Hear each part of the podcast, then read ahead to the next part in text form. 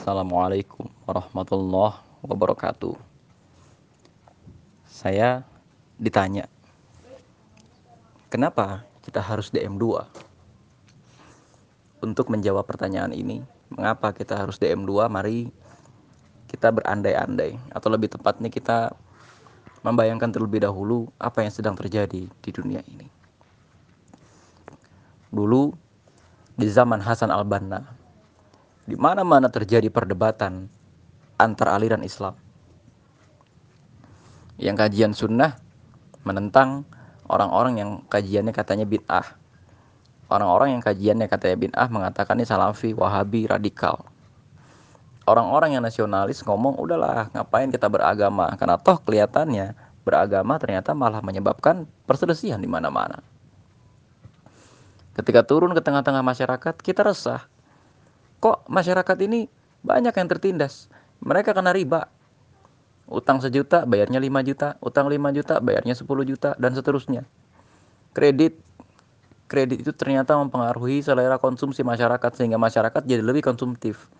Tadi ya kredit itu untuk memperingan proses pembayaran, jadinya malah membuat sebuah keluarga itu hancur berantakan lantaran terlalu sering, terlalu banyak mengkredit ulama-ulama bertebaran di luaran sana yang menjual ayat, menjual hadis.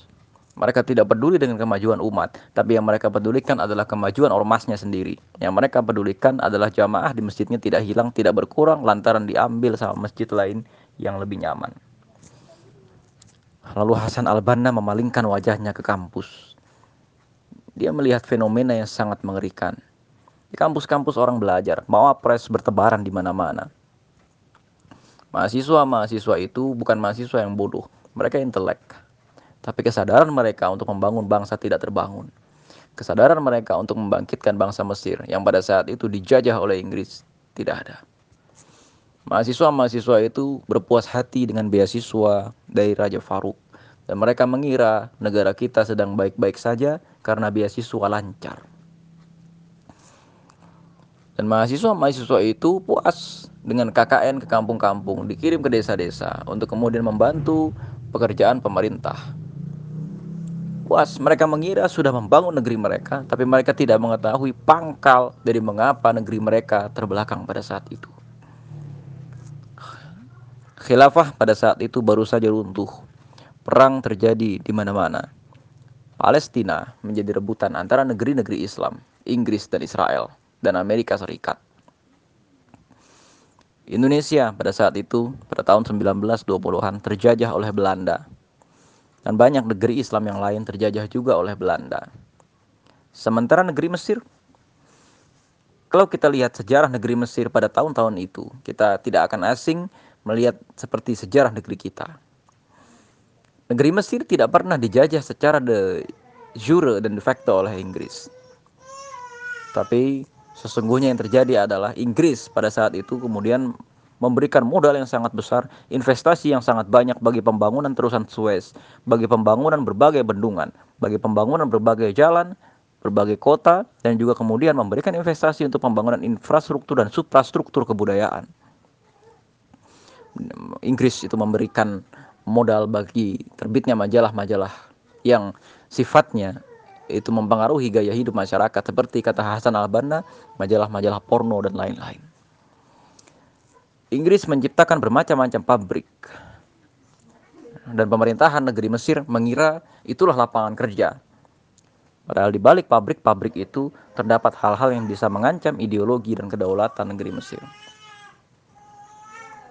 Di satu sisi, pada saat itu negeri Mesir betul-betul menjadi tidak merdeka karena kalau ada apa-apa kritik, kalau ada negara lain atau kebijakan negara lain atau ada satu gubernur yang misalnya mulai mengkritik kebijakan pemerintahan Mesir yang terlalu dekat dengan pemerintahan Inggris, ini dianggap membahayakan pemerintahan Mesir. Padahal ini sesungguhnya hanya membahayakan modal-modal Inggris yang ada di Mesir. Dari mana Hasan al-Banna tahu ini semua? Hasan al-Banna adalah pemuda yang cerdas. Tapi itu tidak penting. Yang terpenting adalah apa yang Hasan al-Banna lakukan. Dia menyebarkan pemahaman tersebut. Dia menyebarkan pemahaman atas penindasan-penindasan tersebut. Dan kemudian Hasan al-Banna berusaha mencarikan solusinya dalam Al-Quran. Ternyata solusi bagi riba ada di surat Al-Baqarah ayat 275. Solusi bagi media massa dan media fitnah yang pada saat itu tersebar ada dalam surat Al-Hujurat. Solusi atas tunduknya tidurnya umat Islam ada dalam berbagai surat dan lain-lain. Inilah yang kemudian menyebabkan Hasan al-Banna itu mendirikan gerakan Ikhwanul Muslimin. Hasan al-Banna berjuang ke mana-mana, dari masjid ke masjid, dari satu daerah ke daerah yang lain, dari kedai kopi ke kedai kopi yang lain. Dan tepatnya Hasan al-Banna ketika sudah di Ikhwanul Muslimin tidak berdakwah di kedai kopi, tapi berdakwah dari masjid ke masjid atau dari kantor ke kantor. Dan di sini orang menemukan alasan untuk bergabung ke dalam Ikhwanul Muslimin karena adanya satu keresahan yang sama, bukan keresahan kepada dirinya sendiri, tapi keresahan kepada umat dan bangsa Mesir pada saat itu. Saudara-saudara sekalian, ikhwah fillah rahimakumullah. Niat kita ikut DM2 bukan karena diri sendiri. Tapi umat ini memanggil kita. Umat itu merindungan kita. Kita lihat di sana sini ada pemerintahan yang mana pemerintahan ini sangat tidak seimbang dengan oposisi.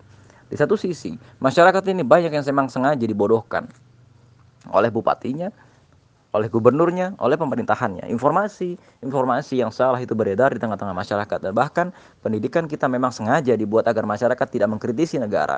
Padahal negara itu yang justru malah membuat harkat dan kehidupan masyarakat terpangkas di mana-mana, tersunat di mana-mana sehingga masyarakat memang dimiskinkan. Salah satu kritikan Allah kepada bangsa Quraisy pada saat itu kepada bangsa Arab saat itu diabadikan dalam surat Al-Fajr. Al-Fajr walayalin ashr wasyafi wal watr wal laili idza yasr Hal fi dzalika qasamul lidzi hijr. Alam tara kaifa fa'ala rabbuka bi'ad irama dzatil imad allati lam yukhlaq mithluha fil bilad. Allati lam yukhlaq allati lam yukhlaq mithluha fil bilad. Kita tidak akan pernah melihat negeri yang dibangun seperti negeri mereka sebelum mereka allati lam yukhlaq mithluha fil bilad. Ini negeri yang luar biasa kata Allah. Enggak pernah ada negeri yang diciptakan yang seperti itu kata Allah. Tapi kata Allah sekaligus dikatakan meskipun gedung-gedung tinggi yang dibangun, meskipun gunung-gunung dibelah, meskipun bukit-bukit diratakan, meskipun gurun-gurun pasir dibangun, fa'aktsaru fihal fasad. Kata Allah, mereka banyak menebarkan kerusakan. Banyak di antara mereka juga banyak menebarkan kerusakan. Fadda alaihim rabbuka sawta azab. Inna rabbaka labil mirsad dan seterusnya. Tugas kita hari ini bukan kemudian mengembangkan diri kita. Bukan kemudian hanya sekedar membangkitkan diri kita yang sedang tertidur. Bukan bukan itu tugas kami. Ketika di DM1 kita masuk kepada yang namanya syaksyiyah Islamiyah. Kita sadar kita ini umat Islam. Dan kita sudah bangun kita sudah bangun kesadaran kita sebagai umat Islam dan ada di MK1 ya di MK klasikal, di MK khos, kita disadarkan bagaimana caranya berjuang. Apa yang harus kita ketahui sebelum berjuang? Siapa yang harus kita ajak untuk berjuang? Bagaimana caranya berjuang? Pengetahuan-pengetahuan apa yang harus kita punya untuk bisa mengajak orang berjuang? Dan masuk ke DM2, kita akan dilantik, kita akan mendapatkan hak, kita akan mendapatkan kewajiban sebagai syaksiyah da'iyah fikriyah kita akan menjadi seorang muharik, kita akan menjadi seorang dai yang menggerakkan, yang menyeru orang-orang, ayo bangsa kita ini sedang butuh dibangkitkan. Ayo, ini riba merajalela di mana-mana. Di kampus-kampus terjadi pembodohan-pembodohan. Gerakan-gerakan Islam di mana-mana tidak menjawab kebutuhan umat. Sebagaimana ketika Ikhwanul Muslimin berdiri, ada puluhan organisasi Islam di dunia ini. Tapi tidak ada satupun yang menjawab permasalahan umat. Organisasi-organisasi ekstra kampus maupun intra kampus banyak dibentuk di lingkungan perguruan tinggi. Tapi banyak di antara organisasi itu juga tidak menjawab masalah kepemudaan hari ini. Menjadi seorang AB2 atau mengikuti DM2 adalah persoalan kita masih mau tidur, kita masih mau diam saja, kita masih mau melamun atau kita mau bergerak. Karena sesungguhnya DM2 itu memberikan kita sejumlah alasan untuk bergerak. Susunan materinya kita dipahamkan sebenarnya umat itu apa sih? Kita selalu mengatakan umat Islam dalam keadaan tertidur. Nanti di DM2 kita akan diberitahu, disadarkan, dibuat berdialektika. Apa itu umat? Apa itu kebangkitan umat? Bagaimana cara membangkitkannya? Kita akan diajak belajar bagaimana cara Rasulullah itu membangkitkan, menyatukan umat. Bagaimana cara Hasan al-Banna, bagaimana cara Ikhwanul Muslimin dari zaman Hasan al-Banna, Hasan Hudaybi, Sayyid Kutub, Umar Tilmisani, dan seterusnya sampai dengan Mustafa Mansur, Muhammad Ma'mun Hudaibi, Muhammad Mahdi Akif, Muhammad Hamid Abu Nasr dan seterusnya itu membangkitkan gerakan-gerakan Islam, membangkitkan umat Islam. Kita akan nanti diarahkan sejarah Islam di Indonesia, bagaimana sejarahnya Muhammadiyah, Nahdlatul Ulama, Persis, disebut Tahrir, gerakan Salafi, dan lain-lain itu membangun umat Islam. Dan kemudian kita juga akan disadarkan lagi terakhir di DM2 itu, mengapa kami harus menjadi jawaban bagi umat Islam. Jadi kalau ada orang menolak DM2 alasannya kata kuncinya masih aku, kata kuncinya masih saya, belum. Kata kuncinya masih anak, belum. Orang ini harus dipertanyakan keislamannya. Anda sadar atau tidak Anda ini umat Islam? Maka materi pertama di DM1 itu bukan makna syahadatain. Materi pertama DM1 itu bukan memberitahu Allah itu bertempat atau tidak bertempat.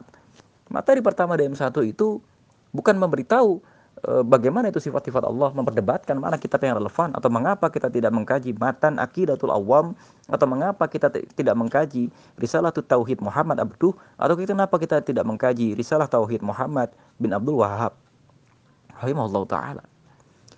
Tapi nama materi pertama di DM1 adalah syahadatain sebagai titik tolak perubahan kenapa karena sebagai umat Islam kita sadar bahwa kita harus mengubah dunia ini sebagai umat Islam kita sadar kita harus memakmurkan bumi. Maka urusannya dengan DM2, urusannya ketika kita sudah DM1, kita berjanji kepada Allah, kita syaksiyah Islamiyah kita itu diarahkan untuk mengubah umat. Maka DM2 itu adalah undangan bagi segenap mahasiswa yang sudah mengikuti DM1 dan lolos menjadi AB1 untuk membangkitkan umat. Ayo ke DM2. Nanti teman-teman di kami akan mempelajari bagaimana tabiat kekuasaan dan seorang AB2 punya hak untuk menjadi penguasa di internal kami. Teman-teman akan nanti belajar di kami. Kenapa umat Islam tidak bangkit? Kita percobaan di sebuah laboratorium namanya kami. Yang alat-alat percobaannya itu kepengurusan kami. Objek percobaannya para anggota kami. Lingkungannya adalah masyarakat Indonesia secara umum. Nanti kita akan belajar menjadi pemimpin kami. Oh ternyata kenapa umat Islam di Indonesia tidak bisa bersatu? Sebagai pemimpin kita menghadapi menteri-menteri, kadep-kadep yang tidak sepemahaman sebagai pemimpin kita akan menghadapi uh, anggota-anggota meskipun sama-sama AB2, sama-sama AB1, tapi ternyata belum sepaham. Sebagai AB2, sebagai generasi yang tidak menjabat misalnya, kita akan menghadapi oh ternyata pemimpin kita itu mengetahui apa yang tidak ketahui, apa yang tidak kita ketahui. Dan apa yang kita tahu belum tentu pemimpin itu tahu. Nanti kita akan belajar tabiat kepemimpinan. Kita tidak lagi akan menjadi orang yang bertanya-tanya, ayo dong, kenapa kita umat Islam nggak bangkit? Bukan, DM2 menjadikan teman-teman semua menjadi orang yang aktif yang bergerak. Menjadi orang yang betul-betul menjadi dai. Dan dai versi kami itu bukan dai yang ceramah-ceramah di masjid saja. Bukan dai yang sekedar membaca Al-Qur'an lalu disebarkan di YouTube.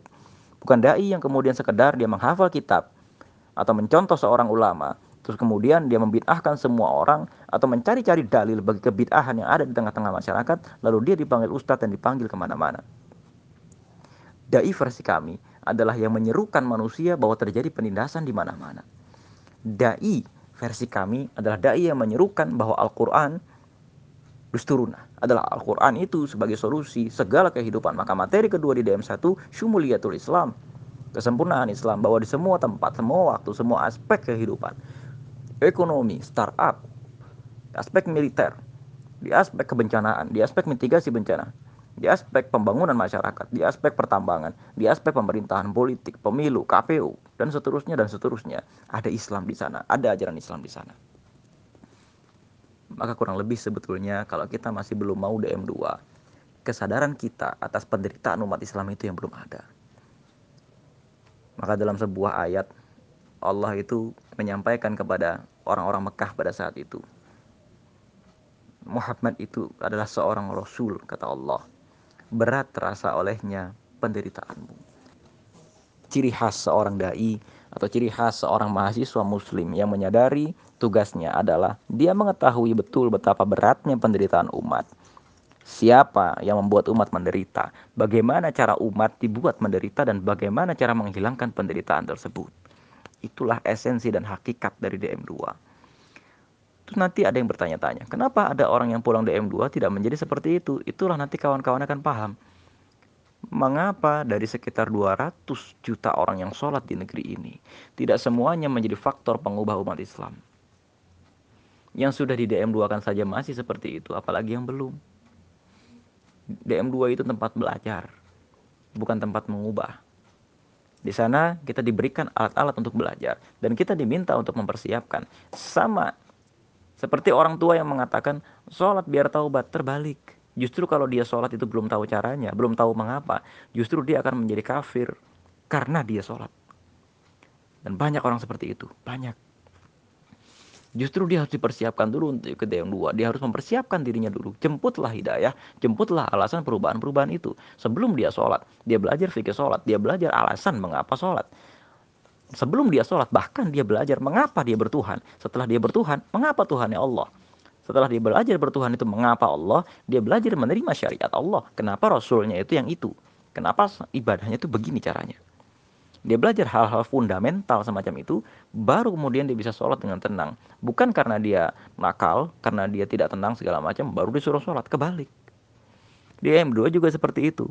Memang ada terms gitu ya, ada ada beberapa kondisi ketika teman-teman siapkan diri dulu baru bisa ikut DM2 karena apa? Kalau tidak mempersiapkan diri terlebih dahulu ketika ikut DM2 bengong.